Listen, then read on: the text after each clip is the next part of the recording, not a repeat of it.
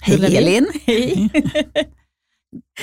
Ett, en dag kvar. En dag kvar Sen är på det här året 2022. slut. Ja. Vilket innehållsrikt eh, år med boksläpp och poddrelease. Och, ja, det har varit väldigt mycket för dig och mig. Väldigt mycket kul. ja, jag har blivit mormor. Du har blivit mormor, ja. Ja, jag har en son som har gift sig också. Det har hänt så, så mycket. Mm. Det har varit ett fantastiskt år. Vi har skrattat mycket. Vi har skrattat väldigt mycket och det, är nog, det har varit extra skönt det här året eftersom världsläget har varit som det har varit. Då har man Usch, behövt skratta lite extra. Verkligen. Och vi hoppas att eh, 2023 blir ännu bättre för alla. Mm. Att det blir ett år att minnas ja, det av, av de bra sakerna. Ja, verkligen.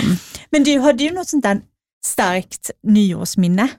Eh, ja, det har väl varit lite blandat, men det första jag tänkte på det var faktiskt svinkallt när jag växte upp i Uppsala och då kommer jag ihåg att, att, att eh, då var det så populärt med något som heter tågaparty. Det är ju ingen som. Vad, vad är det? Ja, det är när man bara har ett lakan på sig. Det är en jättekonstig grej. Men då skulle vi ha tågaparty hemma hos en klasskompis i alla fall på gymnasiet. Och eh, ja, jag tror att det var 29 eller 30 grader kallt ute. Åh Usch. herregud alltså. Och du hade bara ett litet lakan. Ja, nej jag hade faktiskt inte det. Jag hade typ yllestrumpor och mamelucker under så jag fuskade lite för det fick man egentligen inte ha. Men, nej, det är väl det knäppaste nyårsminnet. Ja. Eh, sen blev festen väldigt rolig, så att det, det var väl positivt. Men jag trodde faktiskt att jag skulle frysa ihjäl när vi åkte hem sen. Uff, jag förstår Mm. det. Vad har du för minne? Ja, men jag har flera och ibland kan jag tycka att nyår känns lite överskattat. För det är alltid så här, nu måste vi ha kul och det har man ju faktiskt inte alltid. Nej, nej men nästan alltid är det så. Ja, men mitt knäppaste är, vi hade en ganska stor fest hemma hos oss med, eh, vad kan det vara, 15-20 vänner någonting i alla fall. Och minglade och hade jättetrevligt och sen så skulle vi eh, vid tolvslaget åka upp till vår takterrass och titta på eh, med fyrverkerierna. Och sen åker vi upp dit några stycken i tag, så vi har en stor hiss. Så den kan, kan man knöla in ganska många i. Och sen så var jag sist ut och låste och hoppade in i hissen tillsammans med ett gäng vänner och eh, hissen åker en halv våning innan den fastnar. Åh fy bubblan. Ja. Och det här var två minuter innan tolvslaget. Eh, så vi ringer på eh, ja, men den här tjänsten, jourtjänsten, eller vad det är, som åker ut. Men de var på nyårsfest eller? Ja, men typ så. Men Man vet ju att om trafiken stannar ju typ vid 12 också. Det är ju sådär att alla stannar ju till, hela Ja. stan stannar ju till klockan 12. Ehm, så de var så ja men vi kommer. Och då var de typ på andra sidan stan och någonstans vid Stureplan, så det kändes lite som att de stod och skålade någonstans också. Och vi sitter fast i denna hissen och det var, alla hade vinterjackor på sig. Åh fy. Ja, och jag har klaustrofobi. Mm, jag med. Så det slutade med att en, en eh, av mina killkompisar får igång mig att börja sjunga, för det gillar ju jag och han också. Så vi står och sjunger i hissen för att lugna ner mig. Och sen är det en av de andra killarna som är uppväxt eh, på en eh, bondgård i Brasilien. Och typ, ja, man har blivit väldigt händig, sån här fix allt-kille. Han bara, ja, men är det någon som har champagneflaska? Jag bara, ja, men vi, vi får öppna champagnen här då, tänker jag, för att nu Mm. är ju klockan tolv och vi står instängda i den här ja, när det blir så mycket folk, jättetrånga hissen. Eh, men då tar han ståltråden runt, som den som är runt korken. Mm. Eh, och sen så eh, leker han upp själva låset i hissdörren och får upp hissdörren med ståltråden runt en champagneflaska. Så eh, vi kunde hoppa ut, vi fick ju hoppa ner en Ja, bit, typ någon meter eller Ja. så. Man var ju lite nervös att hissen skulle börja Det är ju rulla då. det, mm, precis. klämmer hela Nej, huvudet. Nej. Eh, men det gjorde vi inte, alla överlevde. Ja, precis. Skönt. Sen var vi lite skärrade. Sen gick jag upp, eh, ja, vad det nu var, sju, åtta våningar Ja, istället. det fattar jag. Mm. Mm. Och eh, skålade lite skärrade där uppe för det nya året. Så det ja, var nog vi hoppas på en knäppaste. bättre nyår i år. Ja, och vi hoppas på eh, många som är duktiga på med ståltråd och Ja, enkla redskap. Lite, lite MacGyver-feeling faktiskt. ja verkligen.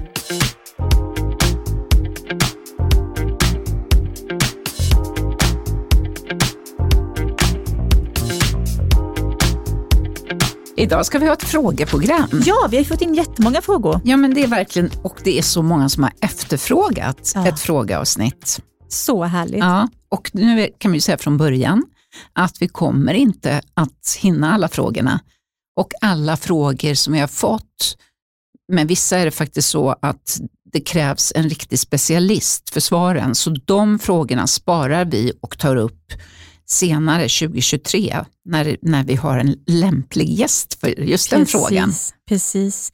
Jag tänker också bara på en annan grej innan vi sätter igång med våra frågor. För Jag vet att du har fått frågan om ja, men när vi har haft eh, lilla vignetten, beautysvepet och andra tillfällen i programmet, att eh, när vi nämner olika produkter, om vi är sponsrade av dem, och det kan vi ju snabbt säga att det är vi inte. Nej, absolut inte.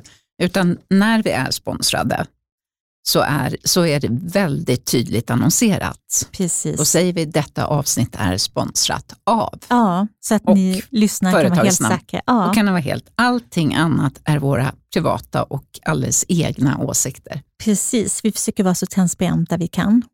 Men Så eh, ska vi det. börja med frågorna? Ja, men det gör vi. Och den första frågan som jag har här på lilla listan är hängig hud och mörka ringar runt ögonen. Vad gör man då?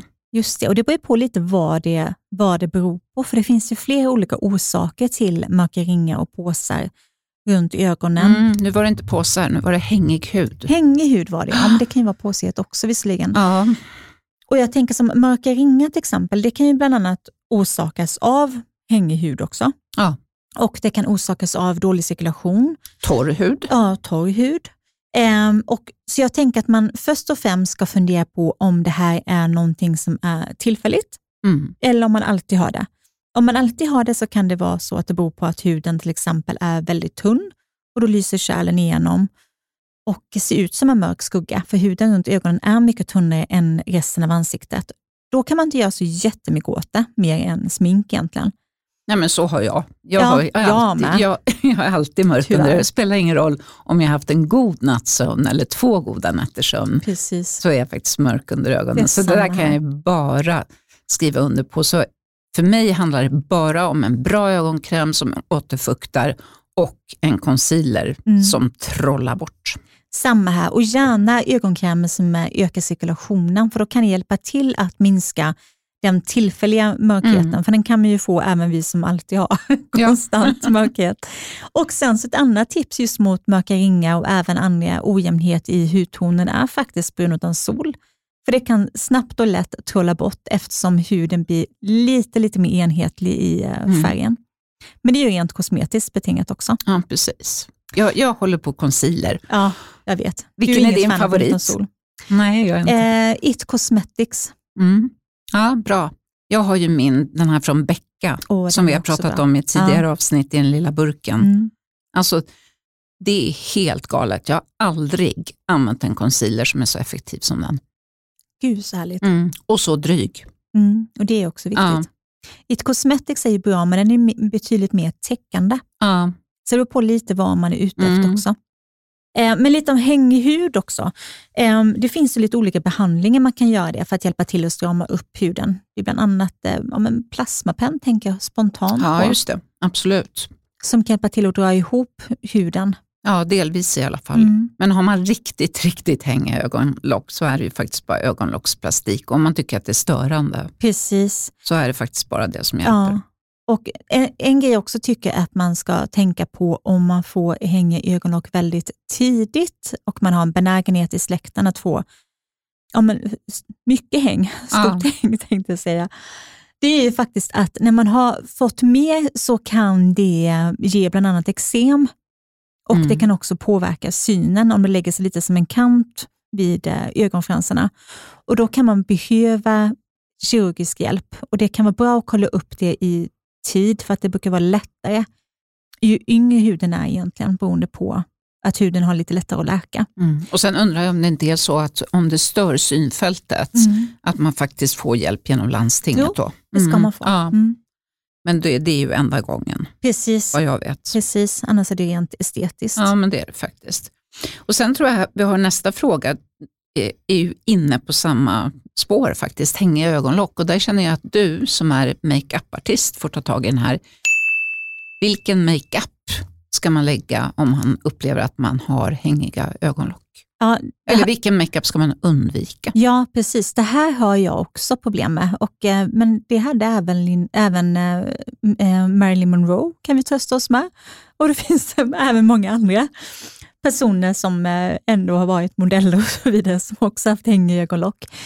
Och där är det viktigaste knepet att komma ihåg att mörkt förminskar och drar inåt, medan ljusa nyanser lyfter, gör det lite större och för området framåt, vilket gör att de områdena som är mer påsiga och hängiga ska du lägga en mörk ögonskugga på och undvika ljusa, för då förstorar du det området istället.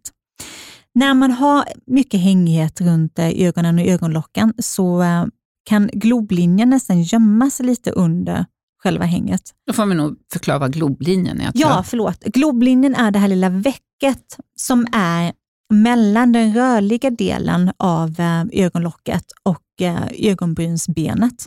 När man har mycket häng på ögonlocket så syns inte den här globlinjen lika väl och då behöver man trolla dit den. Mm. Och då behöver man sätta den lite, lite högre upp än den är naturligt och sen skugga eh, din ögonskugga lite högre upp. För om du bara lägger den i din naturliga globlinje som du har och sedan tittar rakt fram, då har du nästan skapat mer häng om du redan har häng från början. För att då för du in den biten som eh, redan är längre in och hänget blir liksom större och eh, du får överhäng istället. ja, precis. Du förstorar istället för förminskar. Men det var ett jättebra tips tycker jag. Ja, så jag tänker att äh, lägg, lägg ögonskuggan lite högre upp och tona uppåt. Ja, bra. Då hoppas vi att det hjälper. Mm.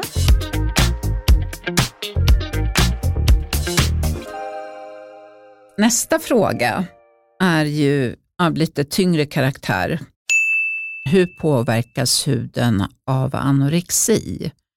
Och då skriver den här läsaren eller lyssnaren att inte bara att den blir torr, för det vet vi ju att den blir torr och fjällar oftast Mm. om man eh, lider av anorexi. Men eh, det är ju också så att om, om sjukdomen pågår under lång tid så, så utvecklas ju också oxidativ stress i hela kroppen naturligtvis och alla organ och sådana saker påverkas och då påverkas ju också med tiden kollagenproduktionen i huden, så är det ju. Så att Absolut. risken för lite för tidigt åldrad hud ökar ju såklart. Mm. Och sen blir ju oftast huden, eh, som vi pratade om lite tidigare, att den Lite blir ju, fjunig. ja, Mm. ganska mycket fjunig kan Mm. den bli. Inte bara i ansiktet utan också på armar och ben. Mm. Och då pratar vi om ofta väldigt ljusa och väldigt tunna strån, men de kan bli riktigt långa. Ja. Nu har inte det med hud, hudkvaliteten att göra, men det är också en sak som oftast händer Mm. när man lider av anorexi. Så självklart är det bra att använda kanske antioxidant, C-vitaminserum och sen tänka inte bara fukt utan fett till huden också. Egentligen generellt. Ja, Kanske tvätta med en tvättolja istället för att använda en tvättgelé och likadant på kroppen, en duscholja istället för en duschgelé. Så att man hela tiden ger till huden. Mm. Ja, jag ska också säga, ja, men behandla huden som om man har en känslig eller Ja. torr hud Ja. egentligen. Ja, för det, den blir ju det. Ja, och sen också eftersom ja, men anorexia ger ju givetvis en eh, extrem näringsbrist i kroppen. Och eh, huden är det som får sist näring, Ja. även i vanliga fall. Det är vårt stö- största organ, men Ja. det är det organet också som alltid, alltid står lä- lägst ner i näringskedjan när det gäller kroppen. Så är det verkligen. Ja, vilket också ökar risken markant för att man får näringsbrist även i huden såklart, som Ja, resten av kroppen. Och utvecklar eksem och sådana saker. Precis. Så att vara extra rädd om huden, Ja. det är väl tipset. Och Sen vill jag också, också bara lägga till att anorexia är något som är extremt svårt och tufft att leva med och eh, det finns hjälp att få. Absolut. Det, Det finns det. bland annat en eh, eh, organisation som heter Frisk och Fri som man kan kontakta om man inte vill kontakta eh, vården direkt. Ja. Nästa lilla fråga, det är nästan, går lite hand i hand här tycker jag, men nu är det ju vinter och vi alla mer eller mindre får ju en yttorr hud Mm. oavsett vad vi har för hudtyp. För yttorr är ju oftast ett hudtillstånd. Precis, och yttorr hud är ju den här huden som bara är torr på ytan, men kan vara eh, fet och glansig under till ändå. Och ibland kan det nästan se ut som att det ligger en plastfilm Mm. på, på huden. Lite hård yta. Ja, precis. Och det kan vara väldigt svårt för pormaskar att eh, komma ut till exempel och eh, akneproblematik och så. Och en av de största bovarna kan vara en eh, för stark rengöring som torkar ut huden. Det kan ge en yttorr hud. Det kan också vara att du har gått runt och eh, varit förkyld till exempel. kan Ja. också ge en yttorr hud. Och sen den här hemska inomhusluften som är nu, Ja. den som är så torr. Som med alla element, även om vi har nu dragit ner alla element för Ja. att det är energikris, Precis. så är det ju fortfarande så att, att luften är torr. Och det märks ju, tycker jag, både på hud och hår. Hud, ja. Så egentligen om man tänker vad man ska göra åt en ny t- torr hud som, som frågan var, nu svävade vi ut lite, men det är ju att eh, om du ska köpa en ny hudvårdsprodukt så att du kan titta efter produkter med ceramider i, du kan titta efter produkter med hyaluronsyra i och glycerin, Mm. inte att förglömma. Ett favoritämne. Verkligen. Och sen bör man också tänka på att eh, pila huden regelbundet för att få bort det yttorriga. För om man bara smörjer en yttorr hud så är det inte sagt att det händer så mycket, för då ligger den här torra filmen på huden kvar ändå. Sant. Utan ska de andra ämnena kunna penetrera ner i huden så behöver du få bort den här torra ytan. Så då kan du till exempel använda en, en, ett pilande ansiktsvatten till Mm. exempel, eller någonting annat. Med BHA eller PHA, superbra. Och det Precis. tål de flesta. Mm. Även de också. som är lite känsliga. Ja. Och sen har vi en fråga som, den här är lite svår tycker jag. Vilken var den första produkt ni märkte, wow, vilken skillnad? ja, det är svårt. För det var så länge sedan. Ja, ja, men för mig också. Jag har jobbat i branschen sedan jag var 19 år, så jag minns inte riktigt, men jag kommer ihåg i alla fall, jag startade min karriär och jobbade på ett parfymeri något år innan jag kom in på hudterapeututbildningen. Och då, precis då, så lanserade Estée Lauder Advanced Night Repair Serum. Det var svindyrt, jag tror halva min lön gick. Och jag vet inte varför jag skulle ha den när jag var 19 år. Men alltså det var sån cool känsla, för där märkte man verkligen att någonting hände på Ja. huden. Det är en riktig klassiker. Det är en riktig klassiker. Mm. Nu när jag funderat lite så kom jag på att ja, men det första är nog när jag var runt 14 och för första gången använde en hårinpackning. Aha. Köpte en tub från Body Shop med chiasmör och kakaosmör och märkte wow. Det var verkligen wow. Det var, kul. Ja, det var en otrolig skillnad. Det, här är ju jättelänge sedan. Mm. Och sen så ett annat stort wow-ögonblick. Nu känns ju det här som fjäsk, men det är det faktiskt inte. Det var ehm, med ditt märke, Arcasa Skincare, ska vi säga, så att vi är transparenta också. Första gången jag testade Lift Me Up Sheet Mask. Och den, Ja. Jag tycker ändå att det är den bästa sheetmasken jag har testat. Det tycker jag med. Då, det var verkligen wow också, för jag märkte sån stor skillnad. Mm. Och Många produkter är ju jättebra utan att, utan att det syns så väl. Ja, verkligen. Så är men, det. eh, men den märkte jag verkligen skillnad på. Så det är så här stora, Mm. s- starka minnen jag har. Mm.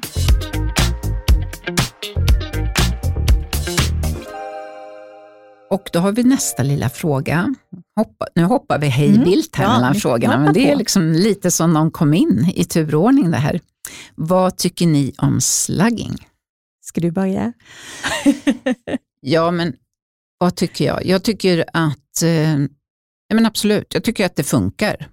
Sen kan vi inte säga att, jo, just den här årstiden så håller jag på med det lite grann. Och slugging är ju när man använder en, först ska man ju helst pila huden lite grann och sen så lägga på fukt och sen försegla det hela med fett. Mm. Och fettet kan ju vara allt från vaselin, som det har pratats så mycket om, men det kan ju också vara en fet ansiktsolja till exempel, om vi nu pratar ansikte. Precis. Så, sen är det ju också så att slugging kan man ju göra även på läppar. Och då är det lite samma sak, då kan man ju använda samma peeling som man använder i ansiktet och sen lägga på sitt fuktserum och sen antingen en ansiktsolja eller en fet läppprodukt Mm. eller vaselin. Mm. Och samma sak på, på nagelbanden. Där tycker jag Absolut. faktiskt det funkar bra. Så Men- länge man, jag tänker också på läpparna, så länge man tar någon, ingen stark peeling på läpparna. Nej, de är mycket nej, nej, känsligare nej. än ansiktet. Nej, men om man har någon liten lätt. ja. Och det, alltså på läpparna kan man ju till och med ta lite, blanda lite strösocker med bara en Ja. droppe vatten. Det är ju Just det. den billigaste, ja. billigaste läpppeelingen. Eller lite mandelolja. ja, jättebra. Ja, ja, det, Funkar hur bra som helst. ja, det gör det verkligen. Ja, men jag, jag tänker likadant. Jag är inget jättefan av vaselin. Vaselin kan funka superbra, men man behöver inte använda extra vaselin för att göra slagging. Du kan lika väl ta en vanlig barriärstärkande, lite fetare kräm eller olja som du säger. Man behöver inte köpa någon särskild produkt för att göra slagging. Nej. Och egentligen är väl jag lite emot slagging som uttryck eller trend, för det är någonting vi hudterapeuter har gjort i väldigt många år. Ja, men återigen är det ju Ja, så. Precis, Allt går att man runt, förseglar runt, fukten runt, runt. Med, med fett egentligen. Nu såg vi till och med i en tidning, en internationell tidning, att det var om att det är ett varumärke som har tagit fram eh, tre produkter ut, speciellt utformade för slagging. Eh, och då kan vi säga på en gång att det känns väl lite bortkastat. Ja, det känns lite overkill faktiskt, Ja. att, eh, att köpa någonting som är speciellt utvecklat för just det. ja, Men det tycker jag. Jag förstår att de försöker hoppa på trenden. Ja, ja men precis, absolut. Men du, eh, innan nästa fråga så eh, tar vi en eh, blooper från terminen som har varit. Idag ska vi prata med Ida, allas vår spindelsvän, som kommer hit till oss i studion. Det blir jätteintressant. Vi kommer bland annat prata om makeup och, och hennes bakgrund. Hon har haft en modellkarriär tidigare. Men först är det dags för beautysvepet. De senaste åren så har det blivit allt mer populärt att använda olika redskap i sin hudvårdsrutin. Någonting jag tycker är jättekul. Några av redskapen kan till exempel vara som eh, rollers och eh, ice globes som jag själv har blivit väldigt förtjust i. Det är som eh, kulor med en stav på som du lägger i kylskåpet och senare kan använda i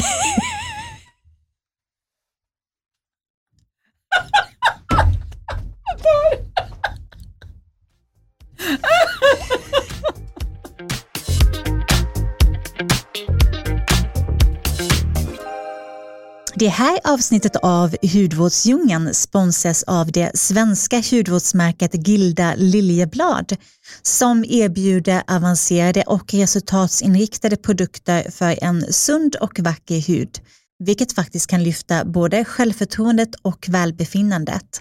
Produkterna har vunnit flera priser, de ger en härligt lyxig känsla och innehåller höga koncentrationer av välbeprövade ingredienser. Precis det som huden behöver utan genvägar och kompromisser oavsett vad de senaste trenderna är. Det här är ett märke som passar dig med höga krav på kvalitet och resultat i din hudvårdsrutin. Min personliga favorit är Fortifying Barrier Cream, en härlig barriärstärkande kräm perfekt för vintertid.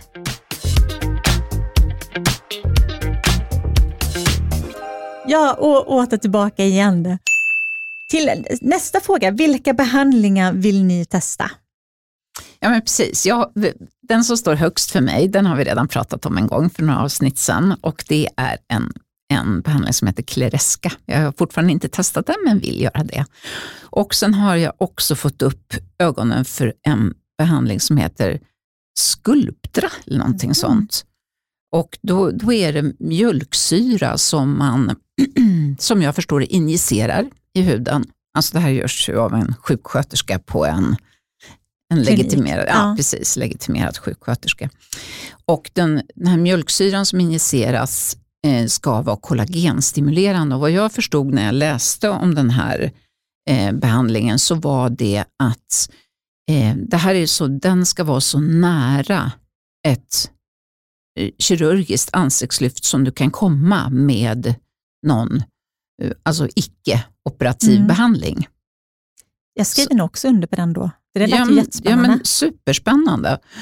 Och tydligen så blir man ju självklart röd för man blir ju stucken lite här och där men det ska inte vara värre än så utan Ja. ef- efter nästa dag så, så kan du säkert sminka över om någonting skulle vara lite irriterat men det är ingen downtown. som Ingen du sa. downtown som jag sa i förra avsnittet, eller två avsnitt det Ja, precis. Just det. Så att, och det älskar man ju.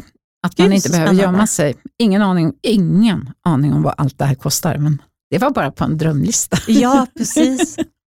Ja, men jag, den vill jag, jag vill också göra den, Ja. bara för det. Ja.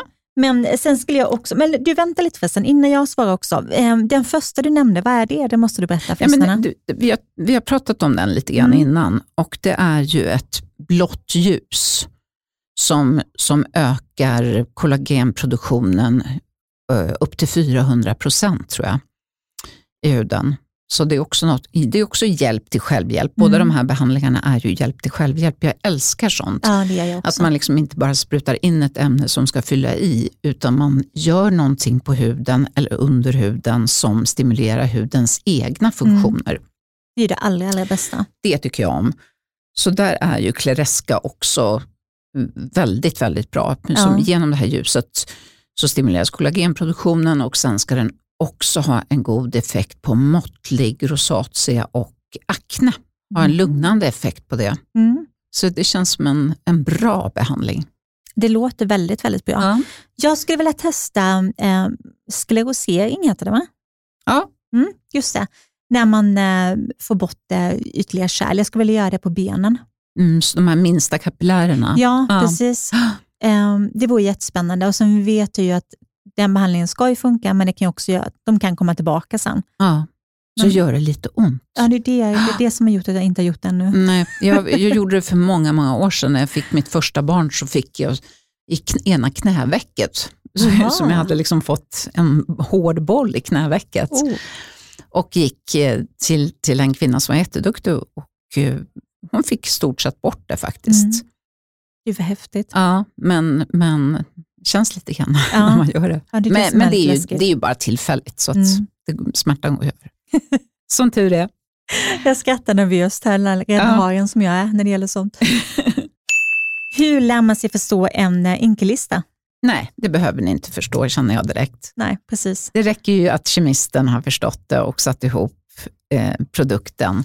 Sen den enda gången som jag kan tycka att det kan vara riktigt, riktigt intressant för en konsument, det är om du vet med dig att just det här ämnet, eh, kan vara vad som helst då, är jag superallergisk mot. Så då kan du ju läsa på inkin för att undvika just den ingrediensen eller det ämnet Ja. som du inte tål. Om du inte har den, alltså den anledningen så tycker jag inte att, att det behövs Nej. att förstå. För att det det, för jag har hållit på med produktutveckling nu i nio år och det är svårt att förstå en inkellista om du inte är kemist. Mm. Så enkelt är det. Och det är ingenting man behöver heller. Och inkellista ska vi lägga till, det är den lista där eh, ingredienserna står, alltså ingrediensförteckningen egentligen. Sen gjorde vi faktiskt så i vår bok, Hudnära, hudterapeuternas hemligheter, så har vi faktiskt två kapitel. Dels har vi en inkellista, som, en förklaring på inkellistorna som finns längst bak i boken, där vi har tagit upp jag tror att det, är, ja. det är närmare hundra tror jag, och förklarar dem och varför man använder dem i hudvård. Och Sen har vi också ett kapitel som heter Vad är det i burken? Mm. Jag tror att den heter oljor, eh, ja, fetter, någonting sånt. Ja. Och eh, där, där går vi liksom in lite mer på djupet och vilka ämnen vi tycker verkligen fungerar på huden. Så är man intresserad så, så finns det två kapitel i boken för just det här med inki. Ja, men det är jätte... För, och för Ja. intresset är ju stort. Ja, men så det är det ju verkligen. Absolut. Och det är jättekul att nörda ner sig i olika ämnen och så också om man är intresserad, men man ska inte känna att det är något måste för att hitta en eh, bra och vettig hudvårdsrutin. Nej, och jag menar en, en kräm eller en, en, ett serum kan ju ha en enormt lång inkilista. Ja. och, och lära sig förstå den, det är ju, det är ju en vetenskap. ja, och det är också så komplext för att eh, en inkellista behöver inte vara lång för att vara bra och den behöver inte vara kort för att vara bra, Nej. utan det är betydligt mer Det är sammansättningen. invecklat än ja, så precis. egentligen. Absolut, det är det.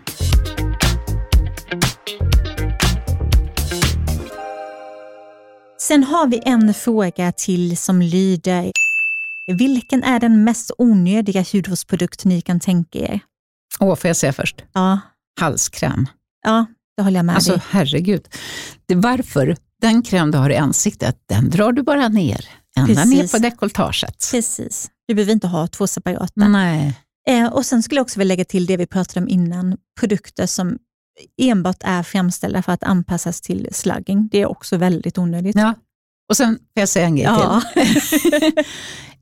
Inte en produkt, men det är ett redskap. Och det har vi tagit upp, upp förut och fått både ris och ros för. Men eh, jag tror att vi står fast vid det här båda två. Och det är hemmaverktyg med piggar på. Snälla, använd inte det. Nej, Ni förstör huden. det är också en onödig grej. Ja, det är väldigt onödigt. Då går man till en auktoriserad hudterapeut och får hjälp istället. Och sen kan man säga om du är 20 år så tycker jag att en ögonkräm är onödigt också. Mm. Använder du en mild, mer eller mindre oparfymerad eller väldigt lätt parfymerad eh, ansiktskräm så kan du ha samma kräm runt ögonen fram till du i alla fall närmare 30 Ja. skulle jag säga.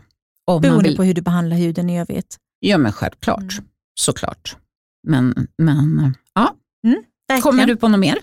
Ja, men som det, vi är ska såga? de jag, ja, det är nog de jag också tänker på faktiskt, Ja. som känns väldigt onödigt. Sen kan jag ju många gånger tycka att vanligt ansiktsvatten som inte direkt tillför någonting är väldigt, väldigt onödigt också. Ja, men absolut. Det är vad vi brukar kalla försäljningsprodukt. Ja, Om den inte innehåller, liksom, som vi pratade om innan, BHA eller PHA eller någonting annat mm, aktivt, det finns ju andra aktiva ämnen, mm. så är det ju liksom, då kan du använda din rengöringsmjölk två gånger om Ja. du känner att du har mycket makeup eller varit i en miljö som, som har varit dammig eller varm. Precis, och vill du ha extra fukt tycker jag det är bättre att lägga en essens under serumet i så fall istället för ett ansiktsvatten. För Ja. det, det ger mer behållning till huden ändå tycker jag. Håller med. Nu ska vi se, Ja. vilken produkt ger bäst resultat på huden? Det beror på Eh. lite vilket resultat man vill ha. Vilken och produkt? Om man tänker man produktgrupp eller, ja. Jag tror produktgrupp. Ja, det måste menar det nästan men- vara. Ja, men precis. Vi utgår, du som har ställt frågan, vi tror att du menar produktgrupp. Eh, mitt svar är serum. Mm. Samma här. Mm.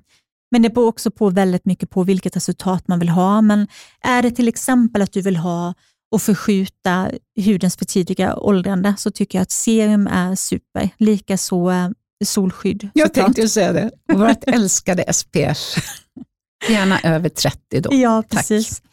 Det är nog de bästa. Sen så enskilda varumärken eller produkter är väldigt mycket beroende på vad du har för hud, vad du har för hudtyp och även vilket resultat du är ute efter. Ja, helt, helt sant.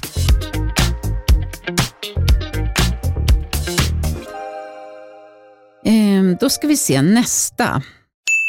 Kan man använda retinolprodukter även om man är känslig i huden? Yes, det kan man.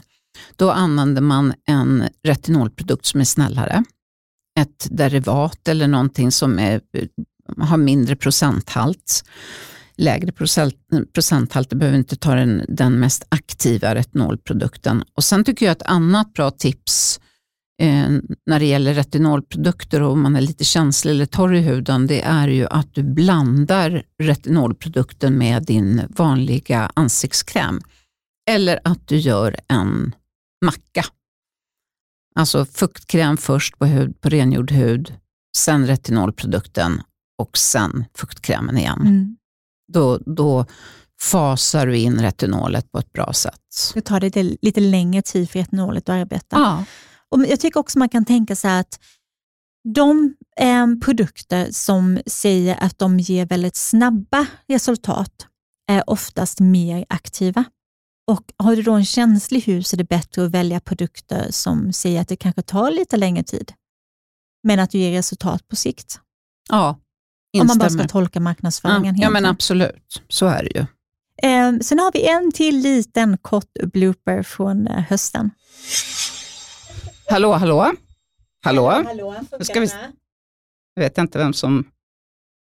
Om du börjar då. Hallå, hallå, hallå, hallå, hallå, hallå. Ja, ja. Provar vi här. Hallå, hallå? Ja. Hallå? Bra. Bra.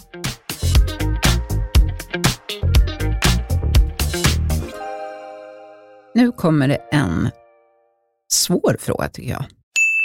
Bästa foundation frågar en lyssnare som är 60 plus. Det är ju jag också. Det jag är är du med. Jag har ju Mm. fyllt 60. Mm. Och den här lyssnaren har då använt Sensai. Sensai ja. Ja, och primer. Mm. Okej. Ja, jag tycker ju då som är 60 plus, jag tycker att ehm, jag är ju väldigt förtjust i Lumines foundation. De är ju inte så tunga, alltså de är inte så kraftfulla, det är inte så jätte, jätte mycket täckning.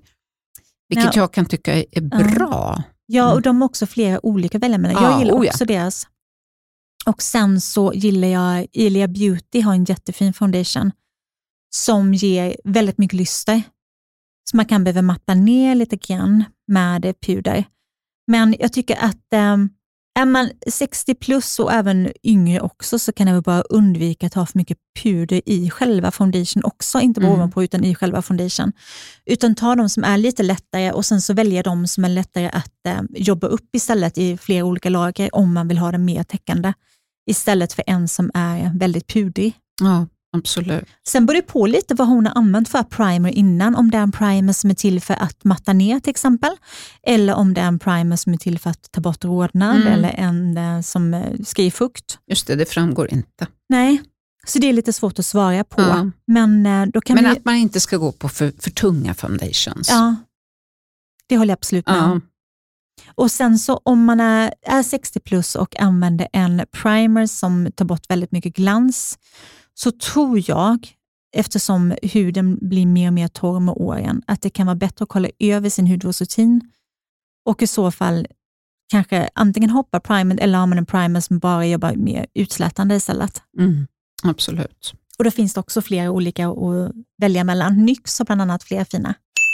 Då ska vi se, nästa lilla fråga är lyxprodukter som är värda sitt pris och de som inte är det. Alltså det här är ju en spännande fråga. Det är en jättespännande fråga. Och Först och främst, det beror på lite vad man tycker är lyx. Alltså tycker du, det beror på lite vad man har för ekonomi och vad man prioriterar. För många kan ju tycka att det är lyxigt med en produkt som kostar 250 kronor och andra att det är jättelyxigt med någon som kostar 2500. Ja men absolut. Det är väldigt olika.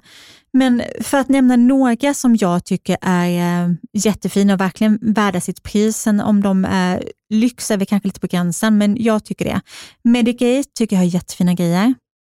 Dermalogica också jättefina grejer och Elemis också likaså.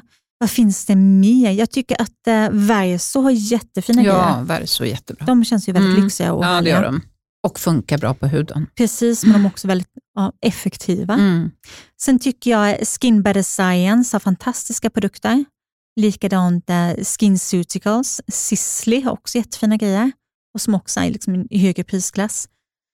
Men det är nästan ännu roligare med de här som inte är så bra. jag ska vara helt ärlig. Ja, absolut. Och det är tre märken som jag spontant tänker på som är, påminner lite om varandra egentligen. Och La Mer tycker jag är en sån produkt som bara kostar massa pengar, men kollar du på eh, Inkelistan så är det kanske inte riktigt det som du vill att huden behöver i den prisklassen. Nej, Då finns det många produkter som är bättre som är några tusenlappar billigare, ärlig. så sant. Eh, Valmont är också ett liknande märke som jag har ungefär samma åsikter om. Och likadant eh, La Prairie, jag vet inte om jag uttalade det rätt, men Jag tror det. jag försöker. Mm. eh, som jag tycker är eh, på tok för eh, ja, men överprisade. Ja, alltså, ja absolut. Det, Du håller med? Ja, det, det känns orimligt att betala de pengarna. Ja, då, då skulle jag kräva mer av produkten också. Ja, men det är det. Jag kan betala pengarna, men då ska också produkten leverera. Det får inte bara vara smörjande. Det finns så, så, så mycket bra produkter ute på marknaden som är prisvärda. Precis, Verkligen Ja. är prisvärda. det gör ju verkligen det. Så man nästan ibland kan tänka att inte den här produkten kostar mer. Ja, jag håller verkligen med dig. Mm. Så sådana kan man leta efter och det kommer vi ta upp i nästa frågeprogram. Just Riktigt mycket bra det. Mm. budgettips. Sen tycker jag att andra lyxiga produkter som är värda sitt pris är bland annat eh, Kilian Paris, det är ett doftmärke. Och an, eh, också doftmärket eh, Savor från Sverige. Och Jag tänker också så att doft tycker jag det är värt att lägga lite extra på när det inte är de mest kommersiella dofterna. Mm. För att du kanske kan betala lite extra för att få någonting som sticker ut istället.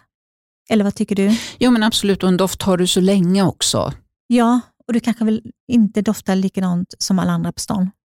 Nej, helst, helst inte, men ofta är det ju så tyvärr. Och sen smink tycker jag egentligen samma sak. Det finns jättemånga sminkmärken som är fantastiska och är budget eller mellanklass och lika många som inte är bra, som är eh, Ja.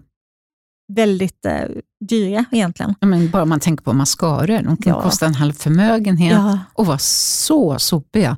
Alltså du har mascaran under ögat till lunch precis. och sen köper du en budgetmascara och den är fantastisk. Ja, det är så himla himla olika Ja, det det är verkligen så Men märkligt. eh, YSL tycker jag oftast levererar.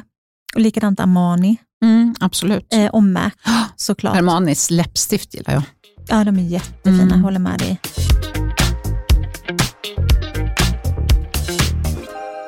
Då ska vi se, då är det nästa lilla fråga Mm, och det är ju ett favoritämne. precis.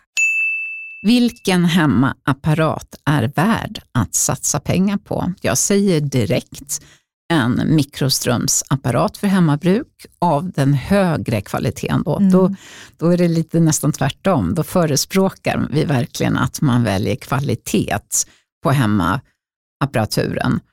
Och eh, dessutom så tycker jag att eh, LED, LED-apparatur är mycket bra också. Jag håller det med gör dig. effekt på huden. Mm. Och det finns de som kombinerar dem nu också. Ja. Det börjar komma mer här Ja.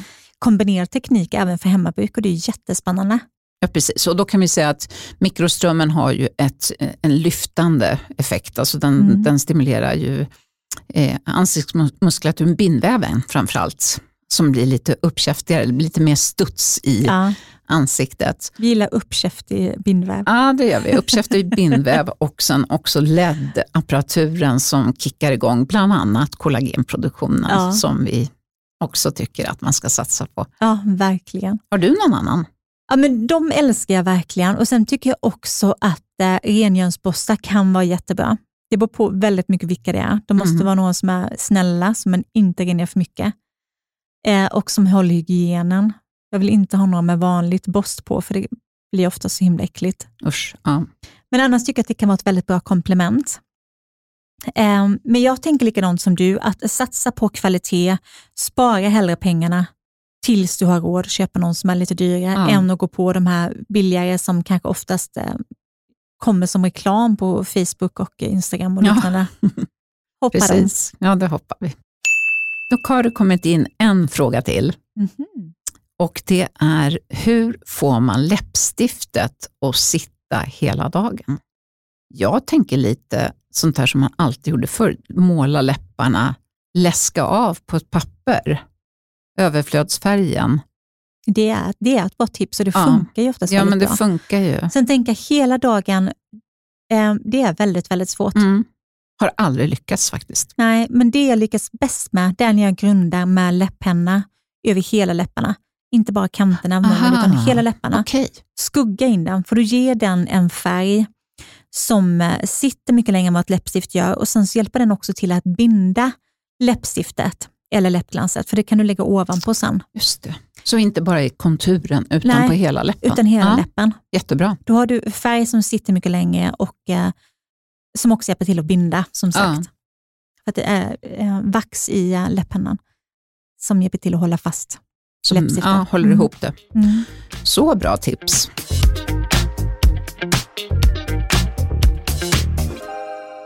Underbart! Det här var faktiskt allt för idag. Vi hoppas att ni får en fantastisk, ett fantastiskt slut först på 2022. Ja, och ett fantastiskt magiskt 2023. Ja, verkligen. Ja.